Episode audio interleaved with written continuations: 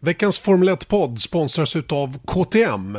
Motorcykelmärket KTM som just nu håller på att lansera sin nya 790 Duke. Och det gör man genom en liten display som har stått i Stockholm fram till och med den 20 maj. Men från och med nu fram till och med den 27 maj så kan du se den här fina cykeln i Malmö. Och eh, missar du den i Malmö så kommer den sen att stå även i Oslo från 30 maj fram till och med den 3 juni. Den här eh, eh motorcykeln då, 790 Duke, eh, som är en eh, en eh, twin cylinder maskin då, lite, lite mm, snyggt paketerad som KTM själva säger då. Och eh, jag är inte jätteduktig på motorcyklar, Erik, är du det? Nej, det är jag inte, men jag kan verkligen uppskatta utseenden på motorcyklar. Det är du... sån där grej att jag får så här några gånger om året att jag måste köpa motorcykel, tror jag. För att jag, man ser någonting som är väldigt vackert. Faktiskt så är det en eh, kille här på jobbet som har byggt om sin egna motorcykel och det blir de också sugen på. Ja. Nej, inte, inte jag, för jag är helt oduglig på sånt. Så jag ska verkligen inte ens försöka. Däremot så har man ju alltid drömt om att kunna köra motorcykel. Har du? Ja, det har jag. Och det är det jag känner då när, när jag eh, får de här eh, motorcykelsanfallen några gånger om året. Just det. Och då krävs det ett körkort. Har du körkort? Har du A-körkort? Nej, det du har jag inte. Men du, då har jag lösningen på alla problem. För eh, det kan man nämligen vara med och tävla om. Eh, man kan vara med och tävla om tillsammans med KTM att vinna ett sånt här körkort och eh, du kan göra det ända fram till och med den 4 juni. Så går du in på, då går du in på ktm790duke.com snedstreck F1-podden ktm790duke.com F1-podden. Där är en liten, liten, liten fin tävling ser du. Och är du riktigt, riktigt bra på den tävlingen och dessutom kan motivera varför du ska vinna det här fina priset som alltså är ett A-körkort. Ja, då, då är du med och tävlar där. Och eh, se till att göra det nu. Verkligen. Jag har redan gjort det. Du har gjort det alltså? Mm. Bra, då ska ja. jag, då ska jag, jag vet inte ens om jag får vara med, men Nej. jag har tävlat i alla fall. Varför ska vi inte få vara med och tävla? Det är klart vi får vara med och tävla. Alla dagar i veckan. Okej. Okay. Gör det ni också. Vesat Motors F1-podd presenteras av byggvaruhuset Bauhaus.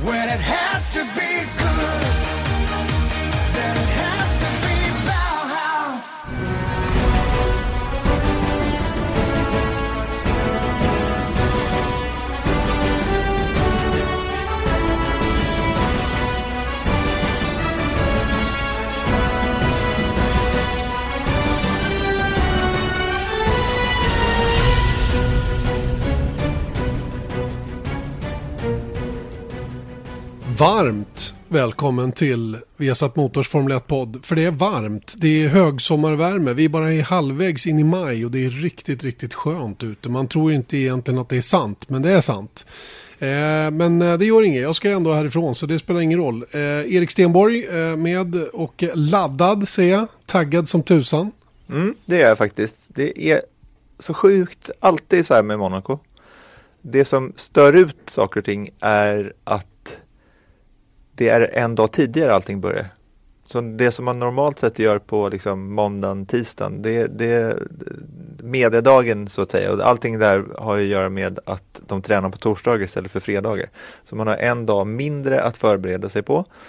Men du har en dag mer att klippa på. Så det liksom jämnar ut sig lite. Men mitt jobb är ganska jobbigt just nu. Komprimerat skulle man kunna säga.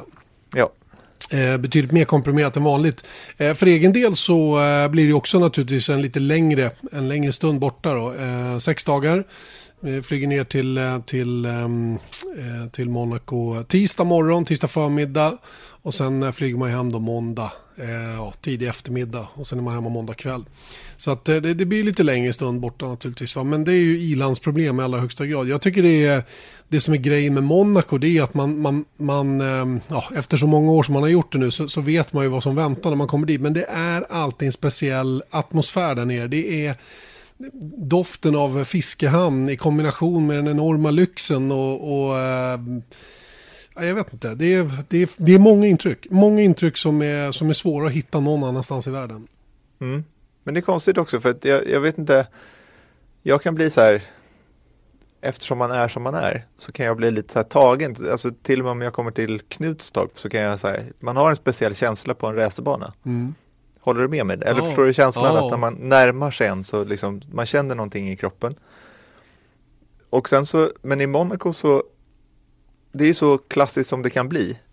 Men jag har inte liksom automatkänslan i vilken klassiskt ställe det här är, utan det är bara för man är ju mitt inne i stan och så bara helt plötsligt så går man och så, just den där Raskas och sen så går man, där är swimmingpoolen och sånt där. Sen så har jag varit där ovanligt många gånger, för jag är inte ute på så himla många race, men jag har varit där kanske fem sex gånger också, så man är liksom nästan lite, jag kan tänka mig att det är lite så som du känner överlag, liksom, när man är ute på nästan alla race. Mm.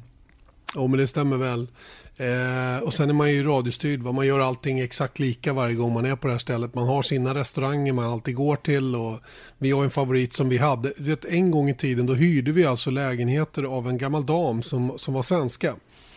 Eh, och som, som hade då ett gäng eh, väninnor eller ja, vänner.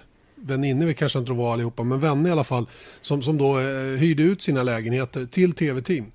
Eller mm. journalister eller vad det nu kunde vara som behövde dem.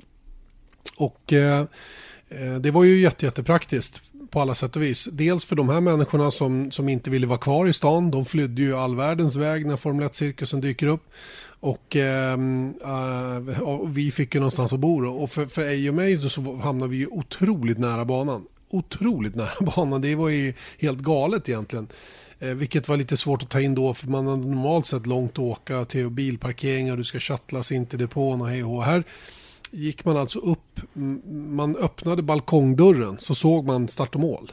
Mm, det, var det är bra, ja, då är det nära. Då är det väldigt nära. Så man gick ner för trappan, ut på gatan och sen så hade man 75 meter fram till en bro över.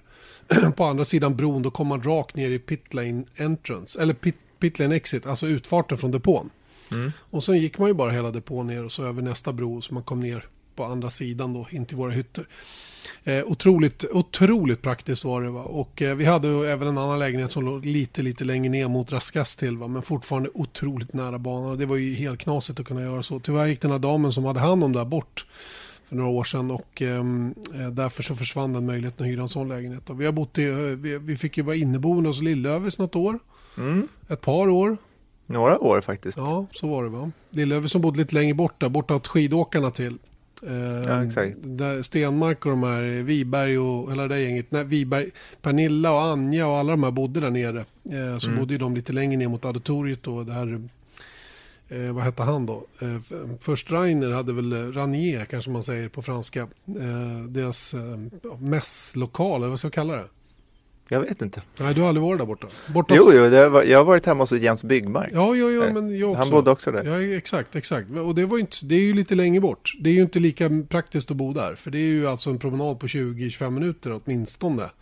Om banan är öppen. Annars kan det ta ännu längre tid. Mm. Och nu börjar vi glida in på de här grejerna som är lite bökigt med Monaco. För att, för att uh, mitt i alltihopa det här med att vara där och den här enormt goda känslan med bilarna som man kommer närmare än på något annat ställe i världen. Så är det ju då alla dessa vakter mm. eh, som stoppar. Banan stänger 6, 6.30 på morgonen, 7 ibland. Eh, och när den är stängd, då är det stängt alltså. Det går inte att förhandla överhuvudtaget. Det kvittar vad du har för pass, ingenting går. Inte en bil på banan, men du kommer inte över, du kommer inte igenom.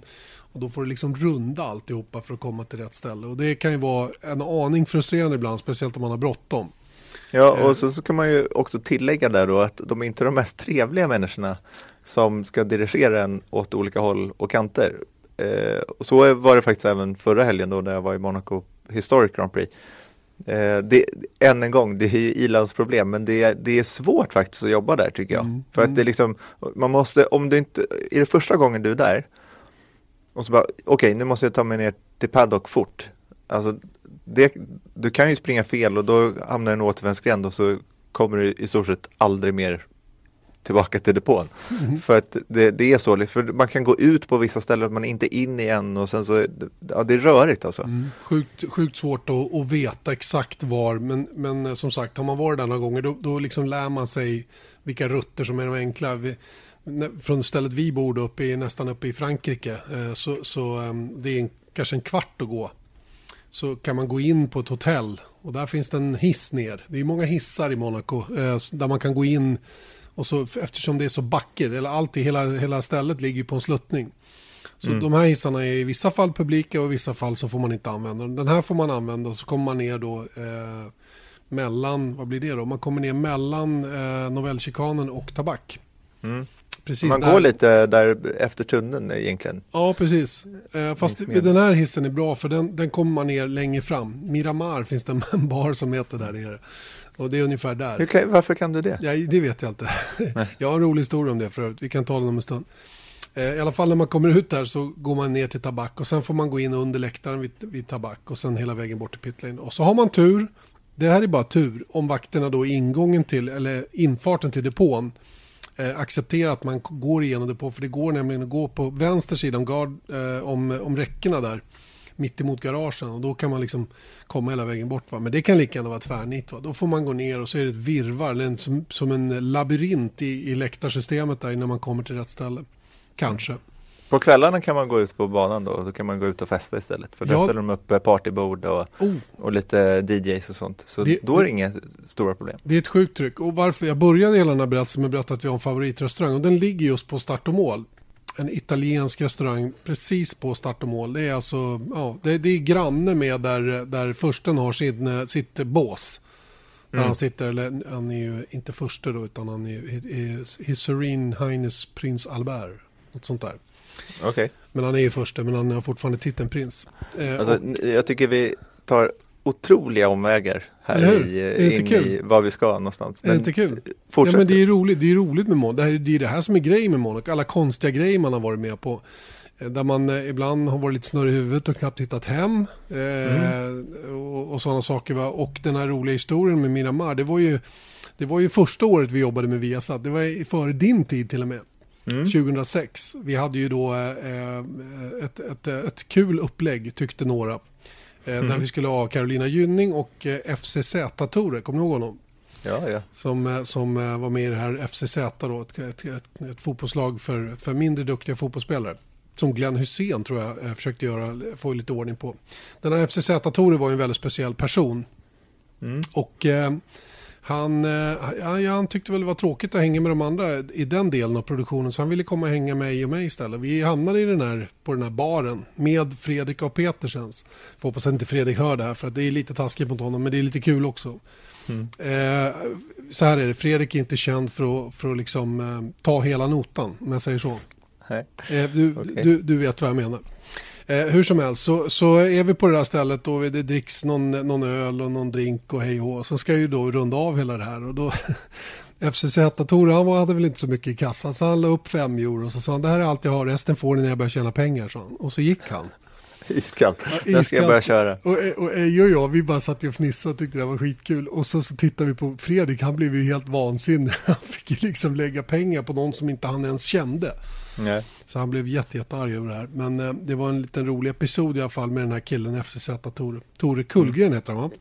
Det vet jag inte. Så, jo, men det gör han. han, är, han är, det är en himla rolig kille och eh, vi, vi hade mycket skoj under det där året. Även om det, ja, det, han, det var lite inte Formel 1-mässigt på det sättet. Det här första året. Studio F1 hette det på den tiden. Frågan är, har han börjat tjäna pengar? Det vet jag inte. Jag har inte sett några, några stålar än. Jag, Jag tror nästan jag tror inte. söka upp honom och, och kräva, avkräva honom. Ja, men han borde få vara med i podden. Ja, Eller hur? det vore faktiskt ganska kul. Det Mm. borde vi kolla. Ja, vi gör det. Kanske Carolina Gynning är med också, man vet aldrig. Ja, exakt. Hon Det är var- faktiskt eh, ett väldigt uppskattat, jag, det är så uppskattat så att jag gjort det två gånger. Jaså? Så här på första april Jaha. så har jag lagt ut på, eller så har vi lagt ut på Instagram eller Facebook eller vad det är. Eh, att så här, vi har glädjen att eh, kunna meddela att eh, två stycken efterlängtade karaktärer kommer dyka upp i Formel 1-sändningen igen, nämligen Carolina Gynning och FCZ och Tore.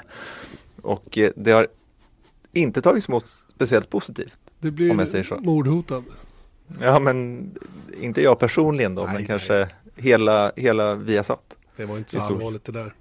Det var, det var ett försök att Mm. vara kanal, kanalorienterad. Kan vi kalla Mm. det så? Alright, all right, då har vi pratat runt kring allting i Monaco. Det är ju eh, eh, overall, om vi sammanfattar allting så är det, så är det bara, bara trevligt att vara där. Men det har sina utmaningar om vi säger så. Då. Mm, och jag vet inte, ärligt talat, jo, har man möjlighet att åka dit som åskådare, då ska man självklart göra det en gång. För att det är verkligen, du kommer väldigt nära banan. Eh, faktiskt sitter du på rätt ställe så kan du se ganska stora delar av banan också. Eh, men det är just närheten och miljön som man eh, verkligen får uppleva men samtidigt får man ju betala för det. Vilket kan kännas lite onödigt. Sen kan du bo i, i Nice och eh, åka tåg in och allting sånt där men det är väldigt mycket eh, folk då så du vet, ska ta det runt och sånt där. Och jag menar, jag vet bara, det är dyrt att vara där. Dels läktarbiljetten är ju dyrare där än någon annanstans. Jag vet ju någon gång, jag tror att jag tog det här förra året faktiskt, men jag kan väl återupprepa mig. Bara att någon gång när vi jobbade väldigt sent en kväll, eh, när jag var där också, så tänkte jag att nu ska jag vara lite schysst och köpa varsin macka och varsin öl. till, till alla som satt och jobbade. Vi satt uppe i kommentatorshytten och eh, jag tror att jag betalade 140 euro eller någonting för fyra mackor och fyra öl. Mm, så att jag menar, jag, jag, tror inte ens att ni blinkade när ni åt upp dem heller. Så att... Usch vad otacksamt. Nej men det var inte, det var ju, det var ju mitt fel. Men jag menar eh, Nej, det var god. I, i, inte världens lättaste ställe att vara på. Nej, nej. nej, man ska inte åka dit om man inte har råd att åka till Monaco. Så det, det kan man ju konstatera på en gång. Så, så är det bara. Eh, nog om detta. Eh, Monaco är juvelen i kronan. Hur är den då rent racermässigt? Är den juvelen i kronan där också? Där de tvistade lärde får man väl säga. Det är ju eh, en stor utmaning att köra där också givetvis. Va? Och, eh, trångt och, besvärligt i största allmänhet. Det är ju ingen racerbana överhuvudtaget utan det är ju bara ett sätt att ta sig runt det här varvet som man bara bestämt är på det här viset. Och eh, det kan man göra olika fort beroende på vilken bil man har och så vidare. Men, men eh, det är några omkörningar och sådana grejer. Det, det, existerar ju inte i Monaco i stort sett. Utan att det åtminstone inte blir lite gnissel eller lite kontakt med den man försöker ta sig förbi. Mm. Det kan ju hända ut ur tunneln in i chikanen och någon gång ibland varannat år sådär in i första kurvan. Eh, där är också en DRS-zon men den är ju liksom ja. Den är alldeles för kort ja. och det svänger och allting sånt där. Så det, det, är ju någonting annat man måste ta med sig innan man, när man tittar på Monaco. Eh, jag tycker liksom det är inte alls osällan som det blir bra race. Det blir spännande och det taktiska eh, Det taktiska spelet är ju i hög form alltid i Monaco. Absolut. Det, det, är inte ovanligt att det regnar heller och det kan, det kan bli eh, stökigt av, av den anledningen och de här murarna är ju nära, det kan komma krascher som stökar till det med safety cars och allting sånt där. Så jag, jag håller mig verkligen till dem som gillar Monaco just för eventet det är, historien som finns där och att det faktiskt kan bli spännande race men kanske mer på Australien sätt då, sett mm. till vad vi sett, i, sett för race i år. Det, det är ju aldrig omkänningsfester som du säger, men icke för icke så kan det bli bra race. Så är det. Så är det. Vi har ju sett ett antal more or less klassiker och, och jag menar så, som, som, eh, som blir spännande av helt andra anledningar än, än, än själva racingen som sådant. Då. Men det spelar ju ingen roll för det är ju på något sätt underhållningen man är ute efter då sådana gånger. Sen kan det ju andra tillfällen vara så att nästan ingenting händer. Det är nästan ingen säkerhetsbil och händer någon säkerhetsbil så är det så det påverkar liksom inte. Vi kanske har någon i täten som har dragit iväg med 30 sekunder. Det finns ju sådana grejer som händer också. Då är, då är det ju inte så himla sportigt att se de här 78 varven som det handlar om på den här banan. Och många gånger går det mot maxtid eh, trots att det inte är så actionpackat heller. Va? Så att, eh, nej, men det, man kan få lite av varje eh, sådana här gånger. Va? Men jag tror inte man, det är viktigt att ha rätt ingångsvärde när man sätter sig och tittar på det här racet. Mm, verkligen. Och apropå du pratade om att gå mot maxtid, att det har aldrig varit ett race i Monaco som har varit under en timme och 40 minuter. Förutom en gång då, det var eh, 1984 och det var då det regnade, det var ju då Ayrton Senna körde Tolman och höll på att vinna. Ja, blev han tvåa eller trea va? Jag tror att han blev tvåa mm. faktiskt. Och då rödflaggades det efter bara 31 varv. Eh, men det snabbaste Monacos eh, Grand Prix i historien är det från 2007. Okay. Då Fernando Alonso vann och då gick det på en timme 40 minuter och 29 sekunder. Mm. Så att det är ju, och trots det så är det den kortaste racedistansen på hela året. Det är bara 260, 260 kilometer långt istället för de här standard eh, 305 kilometerna. Exakt. och eh, det har ju då med den låga medelhastigheten då på varvet. Det är ju inte speciellt lång, långt varv heller. Vad är det? 3,6-3,7 kilometer någonting. 3,337. 337, okej. Okay. Eh, och eh, det gör ju då att det, det, tar lång tid att köra helt enkelt. Och lägg där till då eventuella säkerhetsbilar och sådana saker då så, så är det ju som det blir. Eh, sett till eh, vad vi kan förvänta oss rent teammässigt då så, så är det ju här en speciell bana också för den har ju liksom vållat vissa team som är bra på många andra ställen lite större bekymmer. Eh, och det såg vi kanske främst förra året, Mercedes som, som, som inte alls var med på den här typen av bana. Eh, Kim Räikkönen tog pole position i en Ferrari Eh, och Merca hade det riktigt, riktigt tungt. Och det är nästan som man börjar, ja, läser man rubriken på det som stod på Autosport idag så är de ju oroliga för årets upplag också. Det här, det, här, eh, det ska bli spännande att se faktiskt om, om de reder ut det. Mm. Och det är väl, vad, vad, ska man säga, anledningarna till det? Och det är väl en del av det i alla fall att den inte är så krävande aeromässigt. Det är klart att det är bra att ha, det är alltid bra att ha bra aerodynamik i Formel 1. Men Mekaniskt grepp är väl det som folk eftersöker här. Det är ju det och eh, en annan sån där grej som, som eh, jag tror Merca är orolig över det är ju att det är den allra mjukaste gummiblandningen och det har ju de haft problem med. Alltså, ju mjukare däck det har varit desto större problem har de med att få bilen in i fönstret så att säga av någon anledning och vi såg ju raka motsatsen då senast i, i Barcelona. Eh, sen pratade vi oerhört mycket förra året om att de hade längre hjulbas Mercedes. Att den var 20 cm längre då än de flesta andra bilarna. Nu har ju alla gått åt det hållet så det kanske har planat ut lite grann just den nackdelen. Om det ens var någon nackdel, jag vet inte. Eh, hur den är med den saken så, så är Mercedes orolig helt enkelt för att de vet ju och det tror jag de är rätt säkra på också att det, det, kommer att vara tufft för dem att hålla, hålla den här riktigt höga farten på den här banan. Jag håller med dem om att det är Red Bull som, som känns som, um, som favoriten på förhand. Då. För här har de ingen, här är det ju ingen som har någon nytta av någon extra motorkraft eller sådana saker. Jag läste vad Fernando Alonso sa. Han, han sa så här att banan eh, Banan har ju en tendens att, att jämna ut startfältet en aning och att försöka liksom, ja det blir lite grann som att kasta tärning menar han på det. Riktigt så är det ju inte va. Men, men det blir ju ett tajt startfält som vi redan har i år kan bli ännu tajtare i Monaco. Mm, hoppas verkligen det. Men med det sagt då så är det ändå de här tre toppstallen som man förväntar sig vara där uppe.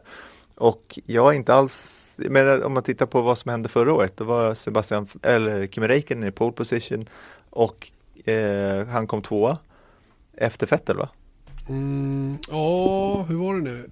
Nu måste jag kolla, för jag, jag var osäker bara för att du sa sådär. Mm. Eh, här har vi Grand Prix de Monaco. Jag letar inte i minnet för så bra minne har jag inte. Räikkönen, Ricardo. Så var det Och eh, det var många som menade på att, eh, att eh, Räikkönen blev lite bortstrulad. Rent mm. strategiskt. Va? Han fick ligga kvar lite för länge och tappade då till Sebastian Vettel som gick in i depån tidigare, gjorde en undercut på Kimmy och lyckades ta sig förbi. Eh, och ja, så, så är livet ibland.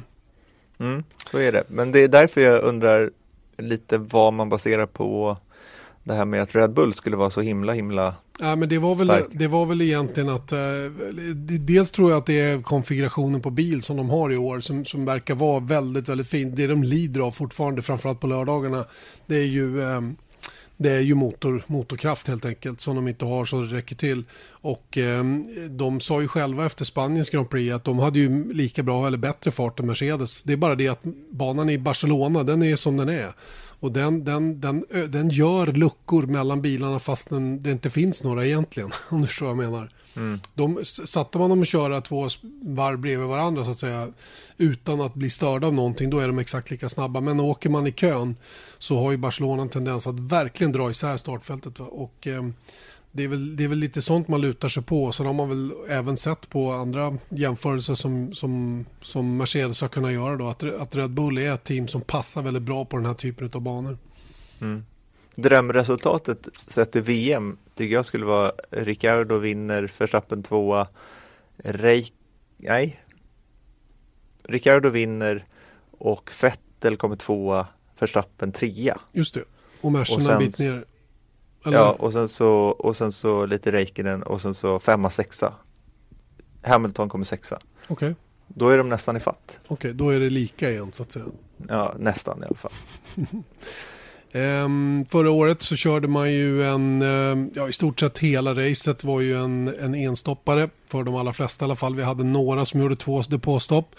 Ehm, Max Verstappen var en av dem, började på Ultra, körde sen Supersoft och avslutade på Ultra. Det var ju säkerhetsbilar varv 60 till 66. Och då var det några som passade på att komma in. Sergio Perez var en annan av de som gjorde det. Julian Palmer, eller var Kevin Magnusson var det som var inne också eh, och la på, ehm, eh, tog ett tredje depåstopp. Och det var för att Jenson Button körde över, eh, eller ja, körde ja, under tippade, eh, Pascal Wehrlein. Exakt, han tippade Wehrlein över sig, eller han tippade honom åt sidan i ingången till tunneln, eller sista kurvan innan tunneln. Mm. Så det var en väldigt speciell, eh, speciell grej där. Eh, nytt för i år Erik är ju också att eh, man tävlar med Hypersoft. Och det är ju ett däck som inte har använts tidigare eh, den här säsongen eller i övrigt heller för den delen eftersom det är nytt för i år. Och eh, det här är ju än så länge nominerat mest för stadsbanor och kanske en annan bana i övrigt också. Eh, men det här är första gången det används den här säsongen. Vi tar och lyssnar till vad Mario Isola har att säga då, Pirelli Motorsports eh, chef i våran eh, Pirelli Race Preview. Här kommer den. Next time out, it's uh, the Monaco Grand Prix, uh, a special special event of the season, special track, uh, not a lot of grip. I guess you go for the for the softest compounds there. Yeah, and a special compound because it's the first time we are going to use the Hypersoft. We have developed this compound last year. We tested in uh, Abu Dhabi. Was clearly, and it was confirmed during the pre-season test in Barcelona that this is a clear step toward the soft. Uh, so we have the super, ultra, and hyper. Is obviously the softest possible combination. Difficult to say if we have a, a two-stop race, of course, because Monaco is, is so unique. The uh, roughness of the tarmac, the, the tarmac is very smooth and uh, is low speed. So that means that uh, yeah, Monaco is, Monaco. also, no track position very important. So you yeah. wanna you wanna save a, a pit stop maybe. Yeah, of course, because it's very difficult to overtake. It's interesting to see what because Monaco is all about mechanical grip and uh, with the Hypersoft, the mechanical grip, the step in mechanical grip is quite big, and that means that uh, if anybody is able to use the Hypersoft for a, decent stint, uh, it could be an advantage. Obviously, I am expecting the Hypersoft to degrade because it was designed with these characteristics, but uh, if uh, in Monaco, that is a low severity circuit, the Hypersoft is lasting for uh, a good number of laps, uh, it is also a good option for the race. So uh, it will be, I believe, the interesting part to see because the, the, the circuit is well known, so it's not a surprise. Uh, the tarmac every year they resurface a part of, of the circuit, but it's not all new. So I'm not expecting difference, big differences compared to last year. The, the, the, real difference is that we are going with tires that are two steps softer than last year. So see.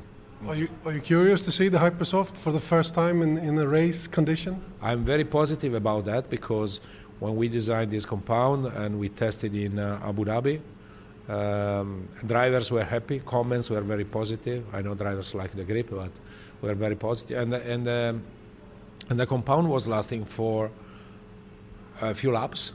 Abu Dhabi is, is, a different circuit compared to Monaco, so it was uh, uh, almost one second quicker than the Ultra Soft. Uh, with a consistency that was acceptable. So that's why Monaco I believe that could last um, more than, than in Abu Dhabi.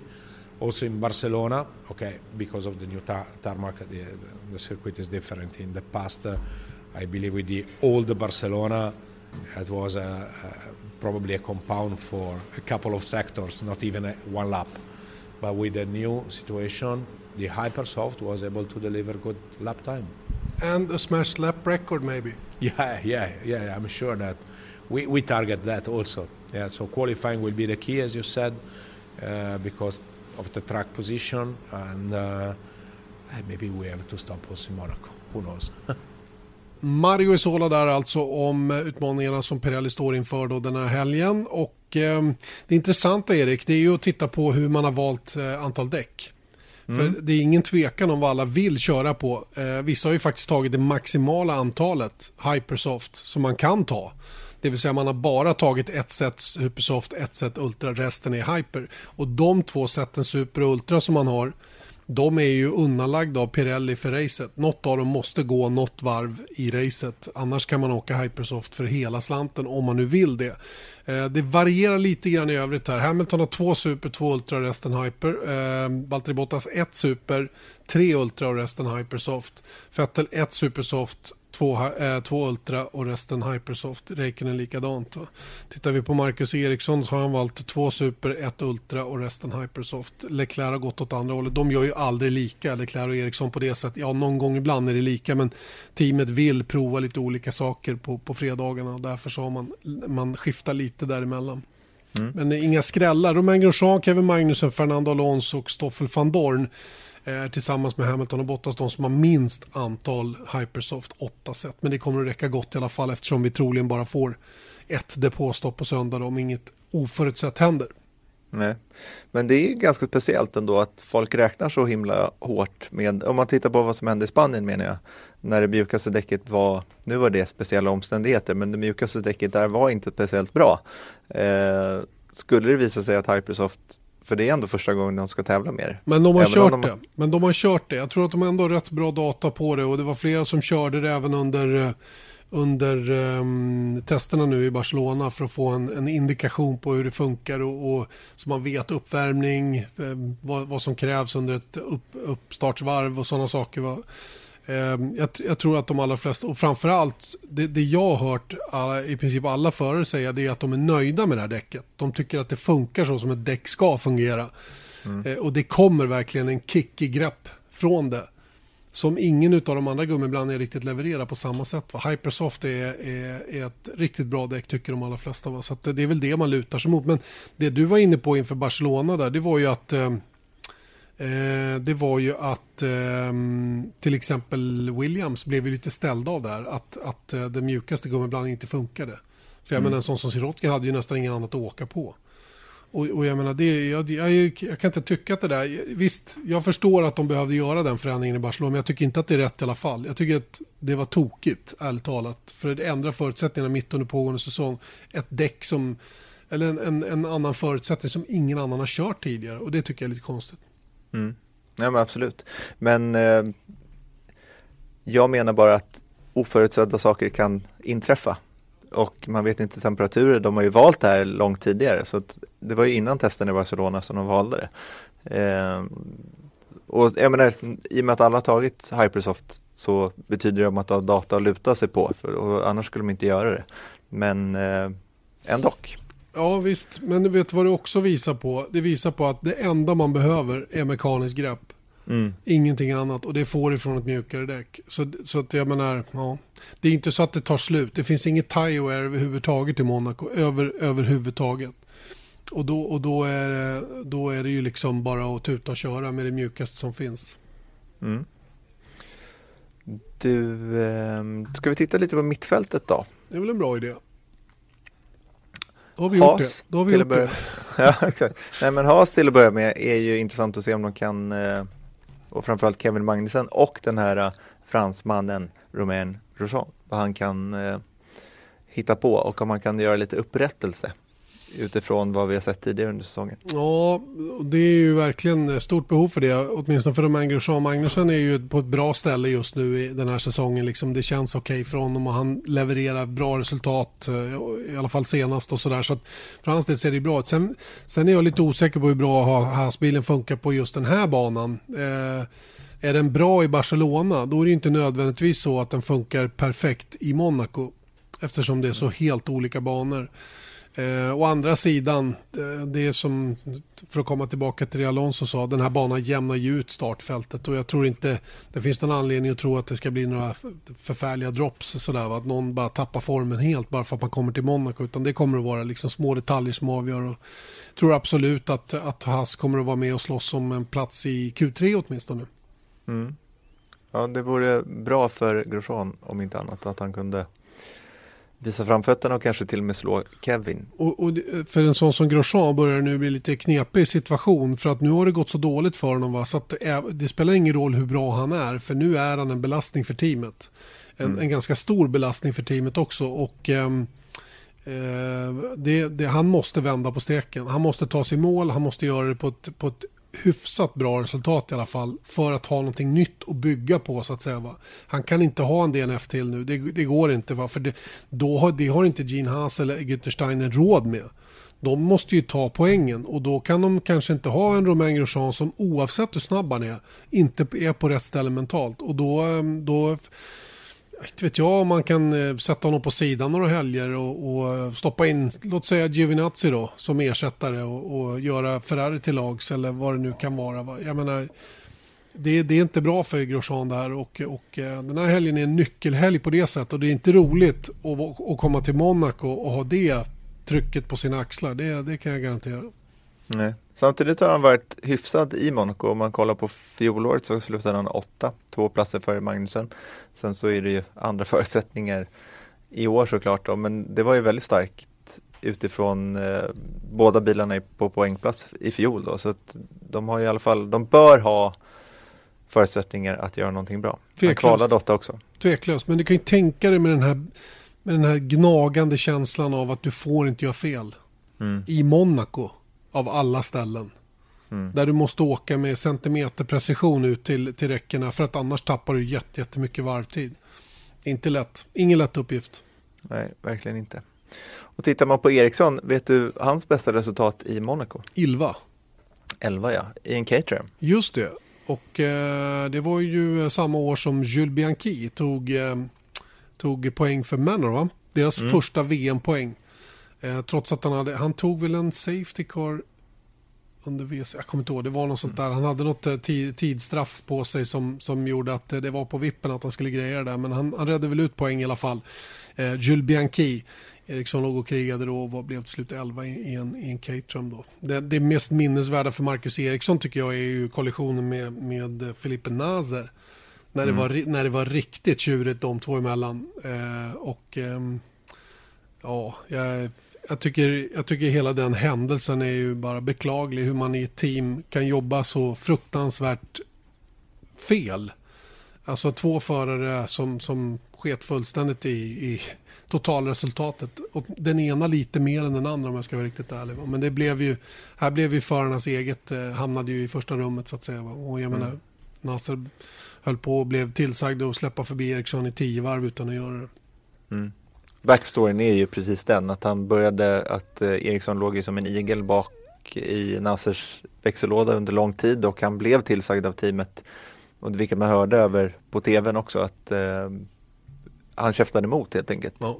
Nasser, att han bara var, varför, varför, varför ifrågasatte hela tiden. Mm.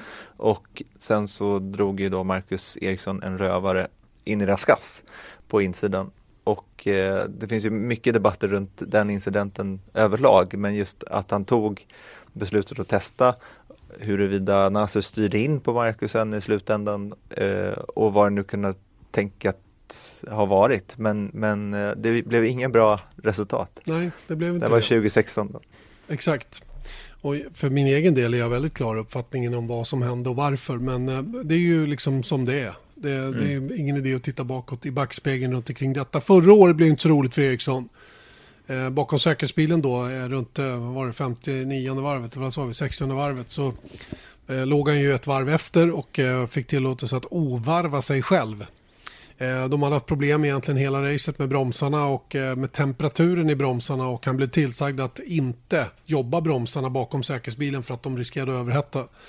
Eh, vilket då slutade med att när han skulle runda Daniel Ricciardo genom Sandevås upp för backen då så hade han ingen, broms, han hade ingen bromsverkan överhuvudtaget utan i låg, låg fart relativt låg fart kör rätt in i, i barriären där och då var ju racet över. Såg mm. ju på utsidan ut som ett klantigt misstag men det var mer bakom det än, än så. Mm. Då var det. Så att eh, det var ju inte så lyckat. Eh, vi får väl se vad det blir den här gången då. Eh, Marcus är väl också lite grann eh, upp mot väggen nu, är det inte så? Eh, kommer inte till Monaco med någon speciellt god känsla på det viset med massa självförtroende efter bra resultat och visst, det var ju inte dåligt senast på det viset i race, men det finns anledning att tro att det är lite pressure on nu.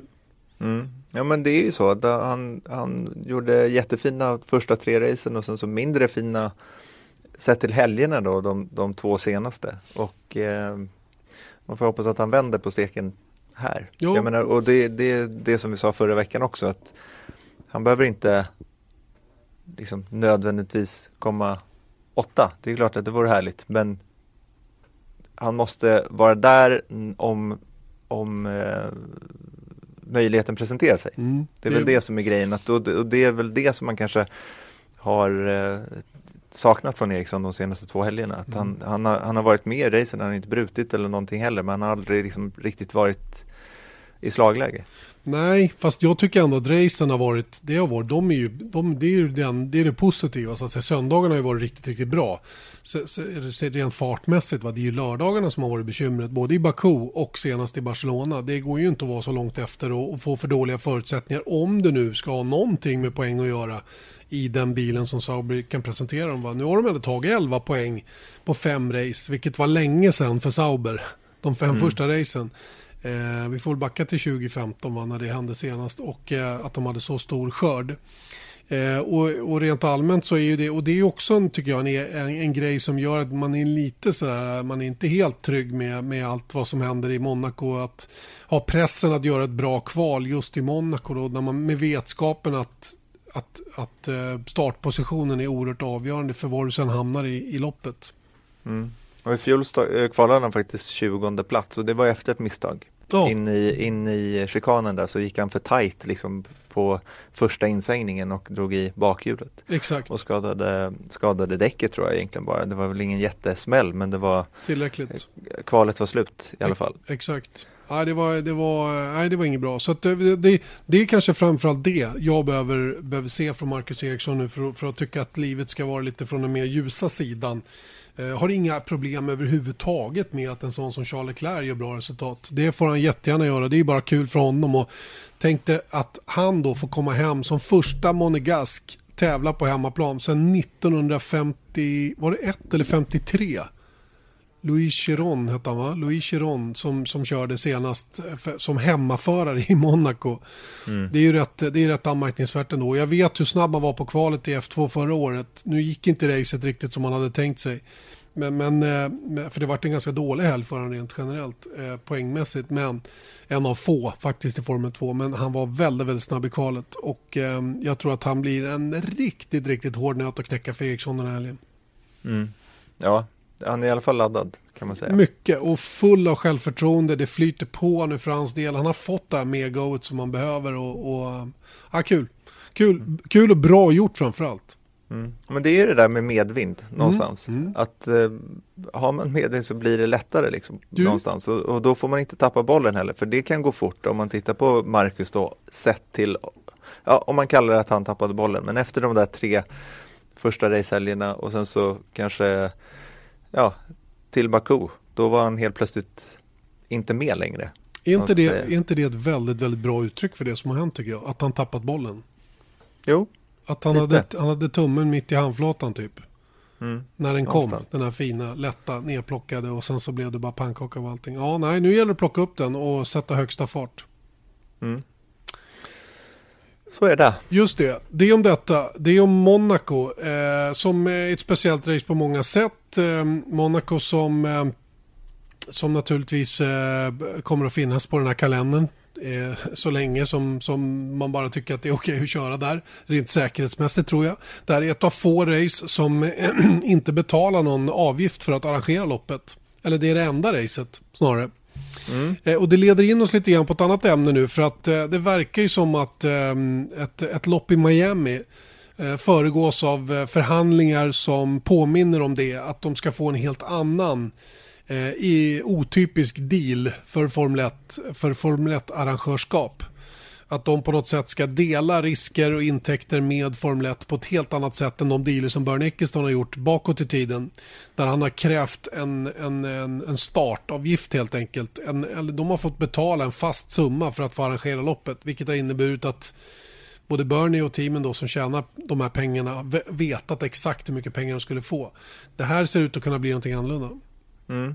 Ja, och bara för att liksom fylla på lite mer bakgrundsinformation är att syftet som Bernie haft med det här och så har det varit under lång, lång tid nu är att bara okej, okay, vill du arrangera ett Formel 1-lopp då kostar det för dig, för det, det här kan variera också, det finns ingen fast summa att eh, arrangera ett Formel 1-lopp men eh, okej, okay, du vill arrangera ett F1-race i Uppsala det kommer kosta dig 500 miljoner kronor. Och då får du betala det eller så väljer du att inte betala det. Men om du betalar det så ligger allt ansvar på dig att tjäna pengar på det. Och Erik, så. det här är bara för att få loppet. Mm. Det är bara för att få dit loppet. Sen kommer ju allt annat med att säkerställa en bana som det går att köra på. Och allt vad som är runt omkring. Så vi pratar kanske en miljard i slutändan. Mm. Ja, men oavsett vad pengarna är så är det liksom, det är det som har varit väldigt svårt för arrangörer.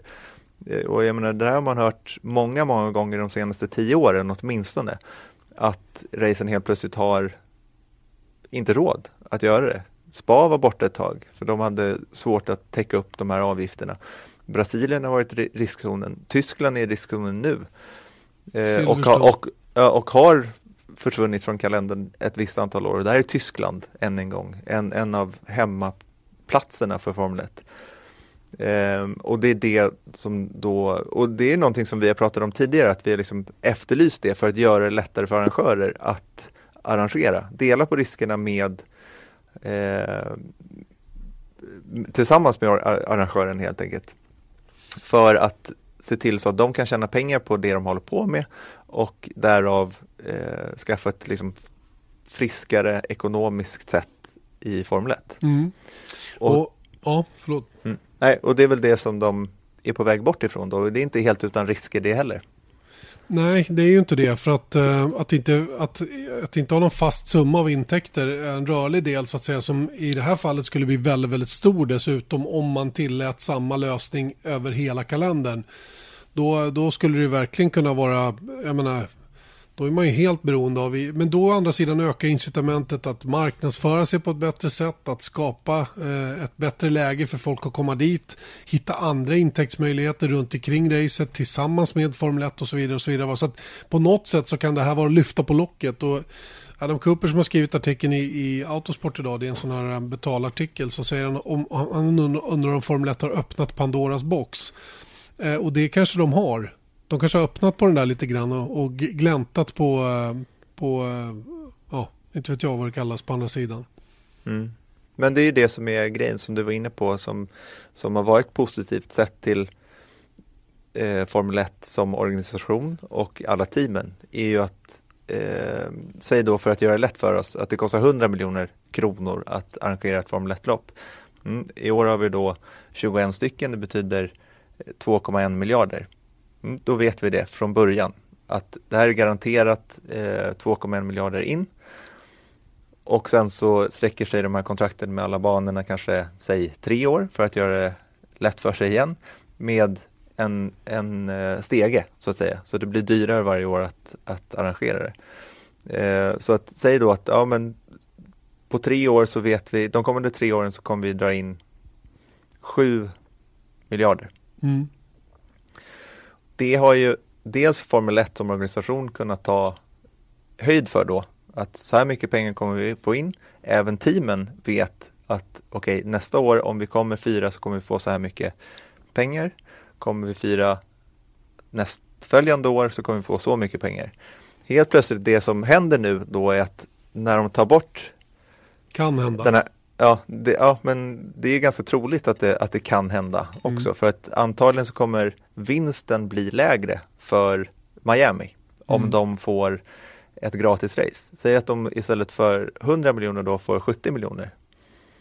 Mm. Och sen så adderar man det till 21 eller 22 beroende på om Miami blir det 22 racet eller, eller om det ersätter någonting annat. Då kanske de tar bort ett race som har en fast avgift på 100 miljoner och mm. så får de bara 50.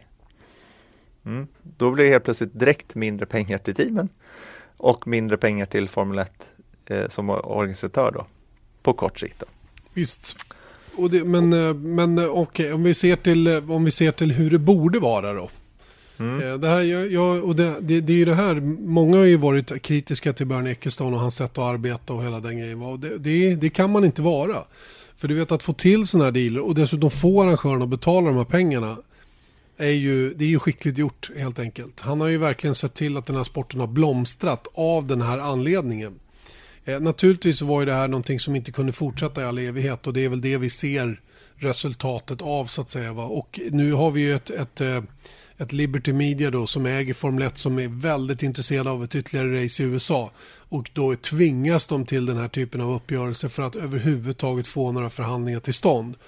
Och, det, och det, är ju, det är ju lite dit jag vill komma för det är ju så här det borde vara givetvis. Det ska ju inte vara så att en arrangör får ta hela risken, ta hela kostnaden för att bygga bana, dessutom betala en väldigt hög avgift och sen bara kunna tjäna, tjäna igen pengarna på biljetterna.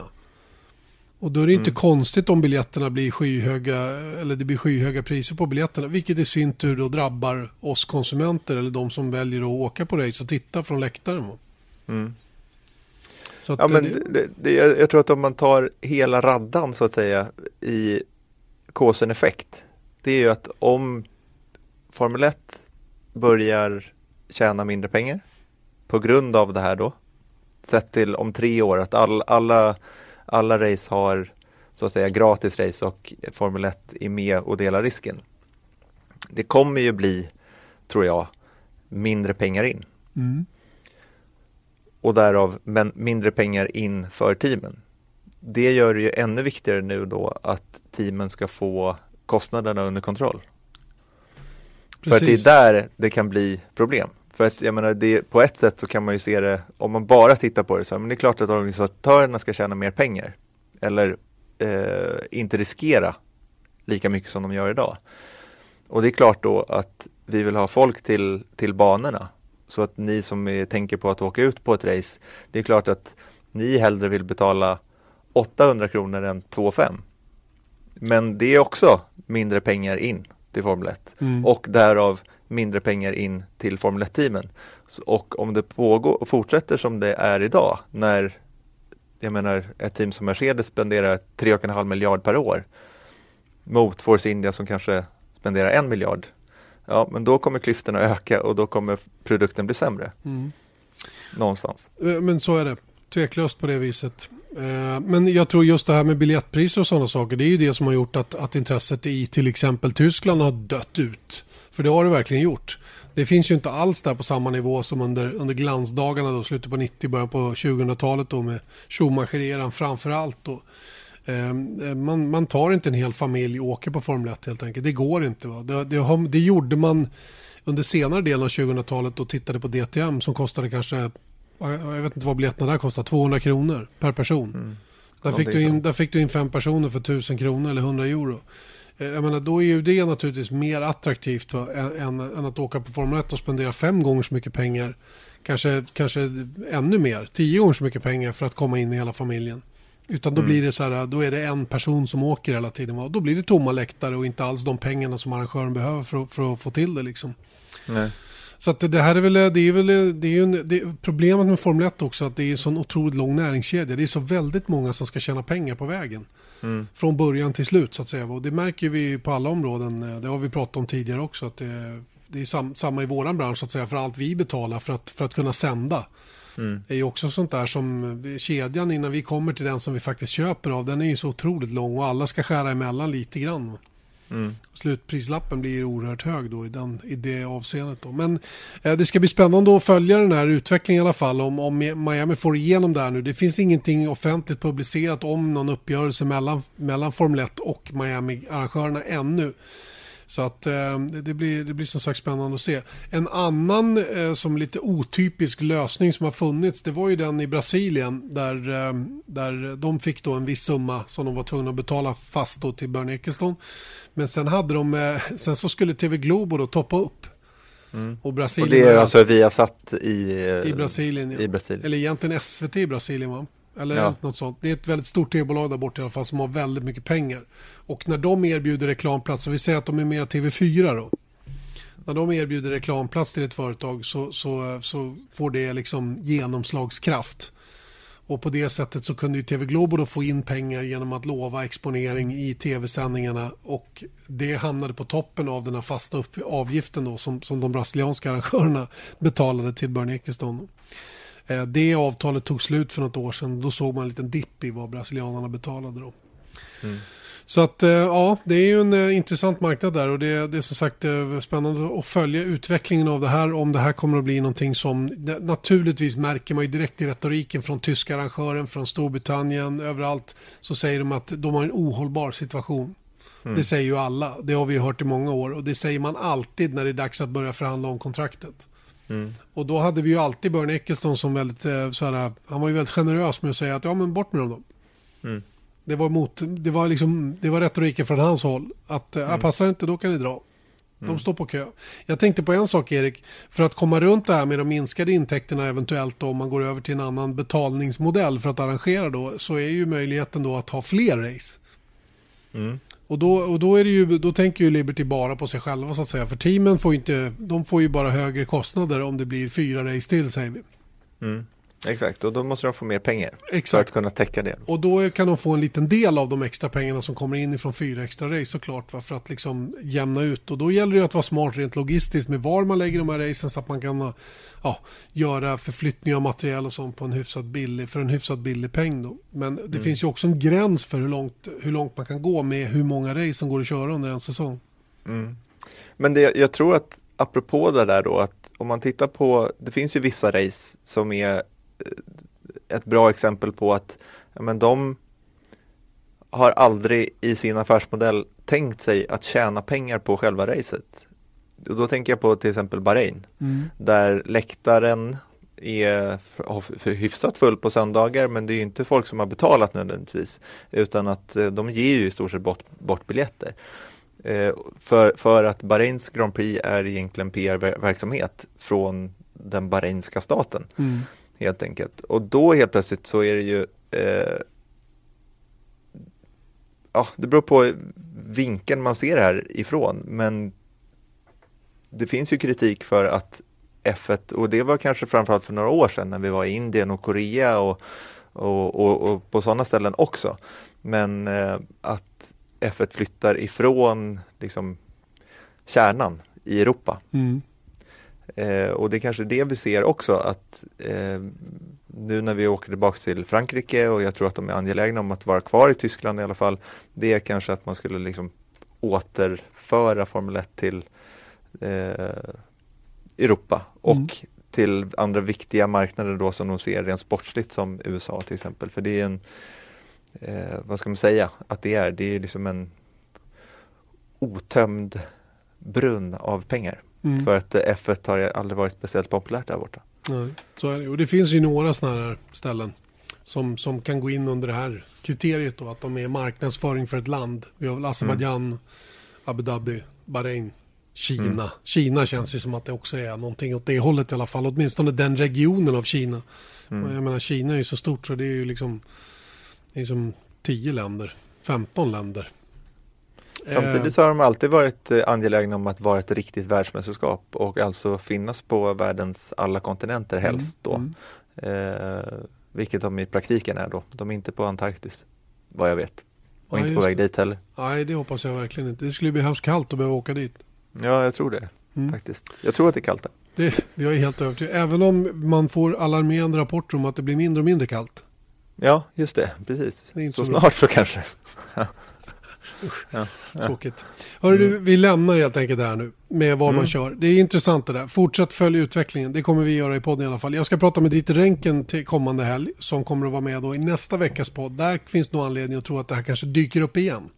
Mm. Skulle jag kunna tänka mig. Vi landar avslutningsvis på lite Toro Rosso Honda Surr tycker jag. För att ehm, eh, något som jag väntar på länge eh, egentligen och som jag trodde skulle ha hänt redan är ju att eh, Honda nu mer och mer börjar se möjligheten att trycka, en, trycka in en av sina förare i Formel 1. Eh, där eh, Honda då samarbetar med Toro Rosso och eh, kan vara på väg ett, ett, eh, ett fabrikskontrakt ihop med Red Bull från och med nästa säsong. Och det innebär ju att möjligheterna för dem att promota fram en ny japan i Formel 1, det är ju, eh, de, de möjligheterna ökar ju självklart. Var det Kazuki Nakashima senast som körde Eh, I Formel 1? Ja. Det var väl Kobayashi i alla fall? Kobayashi, förlåt, förlåt. Självklart var det ju Kamui Kobayashi. Självklart, självklart. Det var ju klantigt. Jag satt och tänkte namn bakåt här och, och glömde honom mitt i det. Eh, och problemet för Honda just nu det är att det finns ingen driver som har rätt antal superlicenspoäng, tror jag. Jag vet inte hur mycket får man för att vinna i det där superformula egentligen. För det borde väl ge rätt så bra skörd, kan jag tänka mig. Jag vet inte, jag tycker det där är lite som grekiska ungefär. Men jag vet att eh, han, vad, he, vad heter han nu? Den här, han som är närmast, han som är en Red Bull junior. Nirei Fukusumi. Ja, och han kom ju, vad kom han, trea i GP3 Ja, just det. och då fick han 15 poäng. Så att det som var uträknat då är att han behöver, för att kunna få superlicens till nästa år då, är, behöver han komma minst fyra i Formel 2. Och det är han långt ifrån. Jag tror att han ligger på 18 plats eller någonting sånt där. Superformula. Första plats ger 20 poäng. Så är det. Mm, de är lite kort ändå. Mm, det är det. Så då, då, för jag tänkte om det fanns någon bra japan där då som har vunnit eh, eller någonting. Va? Då men man behöver ju... Man behöver, vad behöver man? 30 eller 40 poäng? 40 poäng. Över, Vi vi, det är, inte mycket, det är inte så mycket ordning på det här va? Score Nej. at least 40 points over a three year period står det. Mm. Så då vet vi. Så att man, eh, vinner man Superformula två år i rad så då är man hemma. Då har man Mm. full licenspoäng. Vad jag skulle komma till i all denna virvar till diskussion är ju att japanerna har ju ingen, Honda har ju ingen med rätt antal superlicenspoäng och kan inte omedelbart promota någon in i Formel 1. Så det måste ske kanske tidigast 2019 då eller kanske först 2020. Mm. Ja, och, och 2019 då är det den här äh, personen som jag redan nämnde, som jag redan har glömt bort namnet på igen, Fukusumi. Fokusumi. Han kom ju trea i GP3 som jag sa, jag tror inte du lyssnade på Jo, mig jo, jo, självklart. självklart. Han, du- kommer, han behöver i alla fall komma att fyra i Formel 2. Och det blir svårt för Ja. honom. Ja. Eftersom han ligger på 18 plats, tror jag. Ja, det kanske han gör just nu. Det är ytterligare en sån här tror, kanske eventuellt. Ja, Vi men kör- vi får, Det är en sån podd. Det är vi en får sån gå podd. på det. Det är en sån Ja. podd idag. Är ska mycket att göra. Vi ska ändå till Monaco. Ja, exakt. Vi ger oss Får in- chansa lite. Eller hur? De har ju faktiskt en japan till i F2, då, Tadasuki Makino, som kör för eh, Russian Time ihop med, eh, med eh, ryssarna, Markelov. Eh, men det, det var ju faktiskt de där två japanerna. Ja, det är ju en grej som vi inte har pratat om. Det, nu kommer jag in på en ny pryl här. Men, eh, men det var ju de två japanerna som körde ihop i Barcelona senast och där, eh, där Halon faktiskt räddade Makino från en allvarlig skada. Enligt de bilder vi har sett i efterhand då, där Fukusumi då kommer upp och klättrar över. Och det är just den där typen av skador som jag tror att det är, eller typen av incidenter som Halon i första hand är framtagen till. Bilar som klättrar över varandra. Och här såg vi ett jätte, jättebra exempel på hur den här skyddsanordningen faktiskt kan rädda. Eh, rädda från, från eh, allvarliga skador åtminstone. Mm. Och det var ju väldigt tur. Sen så såg man ju inte, jag försökte se det där för det, jag tyckte det var väldigt intressant att se. Men man ser ju på någon bordkamera långt bakom så ser man att han klättrar över. Men han sa ju själv att han trodde att eh, Halon var det som räddade livet på honom. Och då tycker jag att all denna debatt runt Halon har varit värd det. Mm, absolut, ingen tvekan om den saken. Och eh, det fanns ju lite stillbilder som faktiskt var tydligare från, från ett annat håll då, där man ser och han, han, den slog, bilen, Fukusumis bil slog ju faktiskt av den där, det som ska vara ombordkameran då, där T ovanför airboxen. Så han var väldigt högt upp och klättrade på bilen då. Mm. Eh, Den här totalförvirrade podden är därmed slut, tycker jag. Eh, Vi, vi laddar upp inför en intensiv racehelg, Mm. Omgrupperat till nästa vecka om inte annat. typ. Ja. Då är vi tillbaka igen med nya tag.